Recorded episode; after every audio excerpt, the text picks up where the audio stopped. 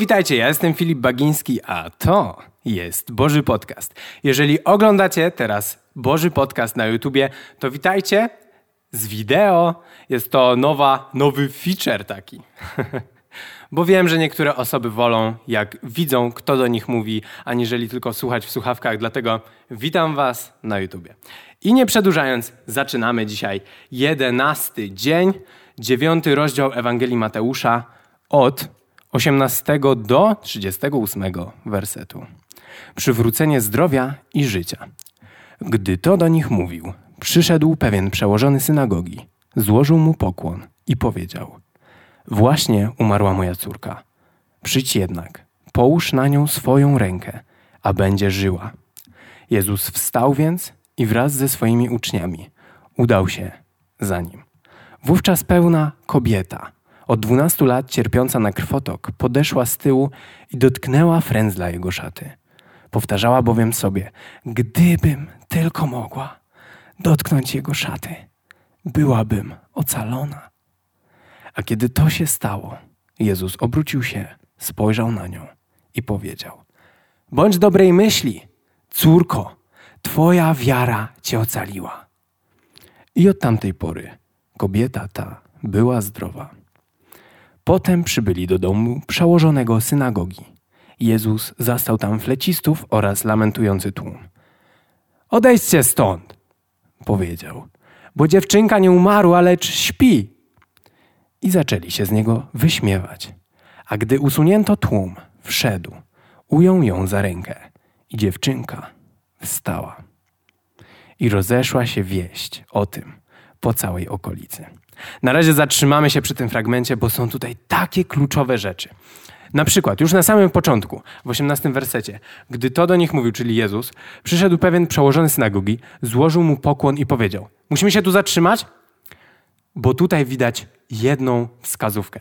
A mianowicie, on chciał, żeby jego córka została uzdrowiona, bo ona już, mm, bo ona już umarła tak, właśnie umarła moja córka. Przyjdź jednak, połóż na nią swoją rękę, a będzie żyła. Mamy pierwszą wskazówkę. On, zanim już zaczął mówić, oddał pokłon Jezusowi. Uznał jego autorytet tym, co zrobił. Uznał jego autorytet. To jest bardzo ważne, bo jeżeli chcemy doświadczyć cudu albo dostać coś od Boga, jakiś dar, jakieś cokolwiek, to na początku musimy uznać jego autorytet, że to on jest Bogiem, a nie my. Następnie czytamy właśnie po, yy, po tym, jak on się pokłonił, dopiero zaczął mówić. Właśnie umarła moja córka. Przyjdź jednak, połóż na nią swoją rękę, a będzie żyła. Jaką ten człowiek ma wiarę? Znowu, i cały ten rozdział jest o tym, że wiara do cudów jest potrzebna. Bo czy wystarczy sam Bóg? Oczywiście, ale myślę, że Jezus chce nas nauczyć tego, że wiara naprawdę ma znaczenie. Dalej czytamy: Jezus wstał więc i wraz ze swoimi uczniami udał się za nim. I w trakcie tego, jak oni sobie szli do tego domu, kobieta, która od 12 lat cierpiała na krwotok, podeszła z tyłu i dotknęła frędzla jego szaty. Zobaczcie, nawet nie jego ciała bezpośrednio, tylko tego frędzla, który tam gdzieś sobie pyk, ona go dotknęła i, i co tutaj czytamy? Że Powtarzała bowiem sobie, gdybym tylko mogła dotknąć jego szaty, byłabym ocalona. Co ona robiła tymi słowami? Ona cały czas napędzała swoją wiarę, budowała swoją wiarę od samego środka swoimi myślami, bo powtarzała sobie, że jeśli tylko to się zdarzy, na pewno zdarzy się, jeżeli zrobię A, to na pewno zdarzy się B. I cały czas, cały czas budowała swoją wiarę. A kiedy się to stało, Jezus obrócił się, spojrzał na nią i powiedział: Bądź dobrej myśli. W ogóle zobaczcie, jak można y, poczuć to, że ktoś dotknął wam ubranie frędzla. Rozumiecie? Nie tak wiecie, że szarpnął za koszulkę czy cokolwiek, tylko frędzla. Frędzla, tego nie czuć. A jednak Jezus to czuł. Dlaczego? Bo Jezus bardzo czuł duchową rzeczywistość. On w niej tak naprawdę żył, cały czas był zakotwiczony i czuł takie małe, to co my czujemy czasem, takie duchowe uniesienia albo duchowe rzeczy, to myślę, że Jezus to czuł tysiąc razy bardziej. bo znał tą rzeczywistość. Bądź dobrej myśli, córko, twoja wiara cię ocaliła. I od tamtej, twoja wiara cię ocaliła. To jest napisane, że ona budowała na początku w sobie wiarę, wiarę, wiarę, wiarę, wiarę. I co Jezus mówi? Że to wiara ją ocaliła. A kiedy się to stało, Jezus obrócił się. Stop, następny werset. Potem przybyli do domu przełożonego synagogi. Jezus zastał tam flecistów oraz lamentujący tłum. I tutaj zaczyna się kolejna um, historia, która zaczęła się już na początku. Odejdźcie stąd, powiedział, bo dziewczynka nie umarła, lecz śpi. Słuchajcie, Jezus przychodzi, mówi im: Ej, ona nie umarła, tylko śpi. I oni zaczynają się naśmiewać z Jezusa. Z Jezusa, czajcie? Śmieją się z Boga. I tak naprawdę myślę, że y, ta sytuacja, o ile dziwna teraz, jak ja to czytam, bo wiem, że to jest Bóg, jaka to jest prawdziwa sytuacja, jeżeli odniesiemy to do tego, co mówi do nas Bóg. Ja widzę to w swoim życiu, że Bóg często mówi mi jakieś rzeczy, co mam na przykład zrobić, komuś coś powiedzieć, a ja mówię: Ej, no przecież to jest takie oczywiste, może trochę głupie, trochę nie na miejscu, za łatwe. Miałem taką sytuację na starcie. Mam nadzieję, że tutaj nie przedłużę za bardzo, bo aparat może nagrywać tylko 20 minut, ale dobra, mam chwilę. Więc byłem na starcie, to jest super obóz, na którym mogłem usługiwać swoimi mm, darami, umiejętnościami, które zdobyłem. Po prostu byłem tam w ekipie mediów i, i trochę pomagałem. Więc był, było uwielbienie i stwierdziłem na początku uwielbienia, że może tak trochę się spróbuję zaangażować się w stu procentach w uwielbienie, żeby tylko wielbić Boga całym sobą. Po czym tak z 10 minut pouwielbiałem i stwierdziłem, ej, to nie to, potrzebuję czegoś więcej, dlatego i tak mówiłem do siebie, nie spróbuję uwielbiać Boga z całego swojego serca, z całej duszy, z całego umysłu, ale zrobię to w tym właśnie momencie teraz. Ło, aż mi się rozwalił. mikrofon. O, dokręcę go. I w tym właśnie momencie podjęcia tej decyzji zdarzyło się coś niesamowitego. Moje serce i umysł nagle jakby zaczęło się to wszystko słuchać i mogłem tak doświadczać w tym momencie Boga, że naprawdę to było jedno z tych nielicznych uwielbień, gdzie ja naprawdę mogłem odczuć taką wolność, taką prawdziwą, prawdziwą wolność. I w tym właśnie momencie, jak oddałem się całkowicie Bogu i modliłem się, to nagle przyszło do, przyszły do mnie dwa proste słowa. Powiedz koledze obok, słowa kocham cię. I ja sobie myślę, no trochę to oczywiste. No Boże, jak już mówisz coś do mnie, to mógłbyś powiedzieć coś więcej. No, jak, no, I tak się wstydziłem bardzo powiedzieć, bo wiecie, to są takie proste słowa, które można usłyszeć.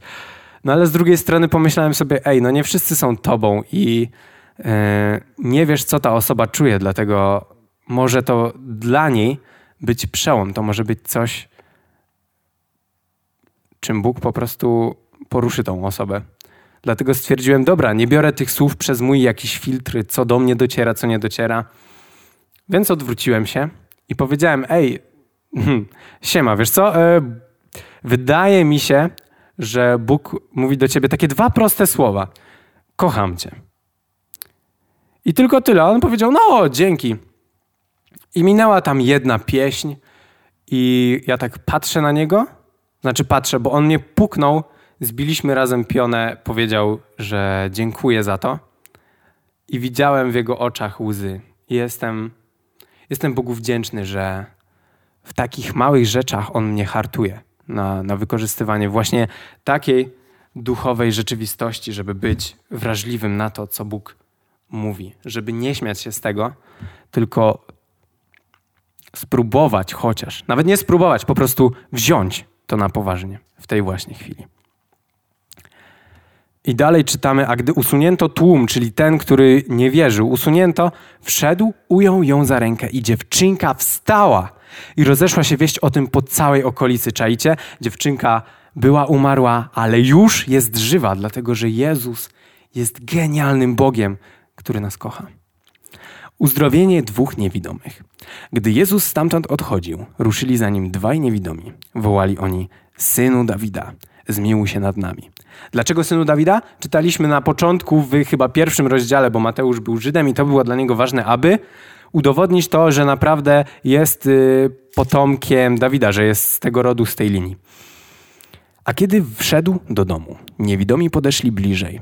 Czy wierzycie, że jestem w stanie to uczynić? Zapytał ich Jezus. Widzicie? Jezus znowu się pyta, czy wierzycie? Czyli innymi słowy, czy wasza wiara, czy wiara w was jest dostatecznie wielka, aby mógł uczynić te cuda?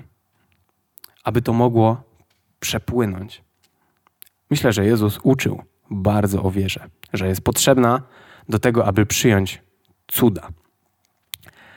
Zapytał ich Jezus, tak, i oni odpowiadają, tak, panie, odpowiedzieli. Wtedy dotknął ich oczu, mówiąc, niech się wam stanie według waszej wiary. I ich oczy zostały otwarte. Jezus zaś nakazał im surowo: Pamiętajcie, niech nikt się o tym nie dowie. Oni jednak po wyjściu rozpowiedzieli o nim całej okolicy. O nie! Uf, myślałem, że zatrzymałem. Ten touchpad. Już wracamy. Słuchajcie, to jest tak niesamowite, że Jezus tak potrafi działać w nas i przez nas.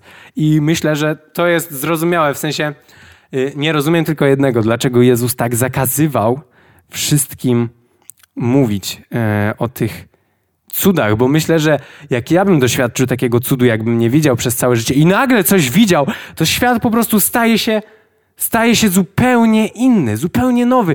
Nagle, to tak jakbym nie widział przez całe życie jednego koloru i on nagle jest wszędzie. No halo, to jest cud. I ja mam o tym nie mówić?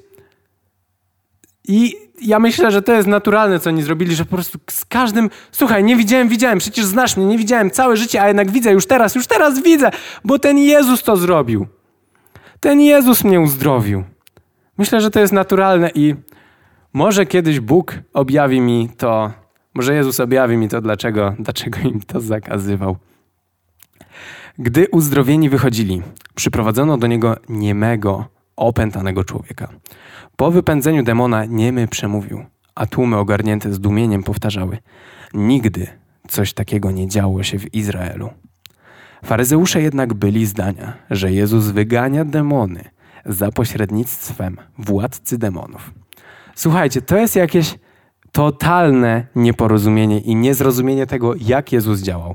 Bo ci faryzeusze, którzy byli cały czas tacy, wiecie, tradycja, pod prawem, nie mogę, nie mogę, nie mogę, nie mogę, tego nie mogę, zamiast skupić się na tym, że można mieć relację z Bogiem i kochać Boga, to cały czas skupiali się na tym, tego nie mogę, tego nie mogę, to muszę, tu muszę, tego nie mogę, nie mogę, nie mogę. I to jest straszne, jak zatwardziałe było ich serce. I oni już nie byli w stanie sobie inaczej wytłumaczyć, że to może być z Boga, że to może być Boża miłość, dlatego zaczęli robić jakieś cyrki i myśleli, że Jezus używa mocy od władcy demonów, od diabła. Czaicie? Jaka, normalnie taki flip-flop jak jest czasem. Nie, nie będzie tu politycznych rzeczy. Eee, czasem odwraca się rzeczy do góry nogami. Myślę, że to samo jest tutaj, że przez ich wielkie niezrozumienie oni zaczynają wymyślać jakieś głupoty. Jezus o żniwie i robotnikach. W ten sposób Jezus obchodził wszystkie miasta i wioski. Nauczał w miejscowych synagogach, głosił dobrą nowinę o królestwie i uzdrawiał wszelkie choroby oraz wszelkie niedomagania. A gdy zobaczył tłumy, wezbrała w nim litość nad nimi, bo były udręczone i porzucone jak owce pozbawione pasterza. Ja osobiście bardzo lubię tutaj, jak Jezus robi takie metafory, takie różne zagadkowe trochę historie, które można przyrównywać i przyrównywać one są niesamowite. Tyle można z tego wyciągnąć. A z jednej historii można. Ja czasem z jednej historii Jezusa potrafię wyciągnąć więcej niż z jednej dobrej książki. Czajcie, bo ta historia ona jest jakby żywa i można ją cały czas porównywać. ma głębię nieskończoną. Dlatego tak lubię, jak jesteśmy porównywani do owiec pozbawionych pasterza. Pasterzem jest Jezus, my jesteśmy owcami. I jakie to jest, widzieliście kiedyś owce? Jakie one są pozbawione czasem rozumu, wchodzą w jakieś chaszcze. W ogóle widzisz, że przecież stoi przed nimi coś, nie, pff, wejdzie w to. Bez sensu. I myślę, że to jest genialne porównanie, że my jesteśmy jak owce. Wydaje nam się, że jesteśmy chojrakami, że wszystko widzimy, że jesteśmy strategami, przecież potrafimy wszystko planować, a tu lipa. nie to, że nie wierzę w ludzi, ale yy, bez ale. Wierzę w ludzi, ludzie mają taki nieskończony potencjał, ale po prostu, znowu to słowo. Po prostu Bóg widzi więcej niż my. Ma więcej perspektyw i więcej widzi. My tylko mamy jakieś tam swoje źródło informacji, które do nas wpływa i na podstawie tego możemy oceniać różne rzeczy. A Bóg, jeżeli założymy, że patrzy z góry, zna wszystkich ludzi dookoła, to wie, co i kiedy się wydarzy. 37 werset. I zwrócił się do swoich uczniów. Żniwo wprawdzie wielkie, lecz robotników niewielu. Proście zatem Pana żniwa, aby przyspieszył wyjście robotników na swoje żniwo.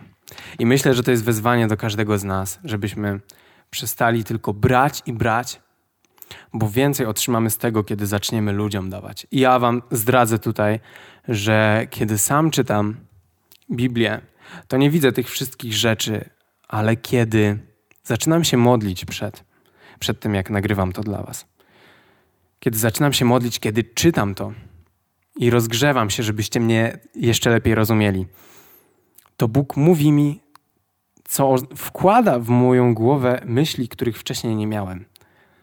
I tłumaczy mi werset po wersecie.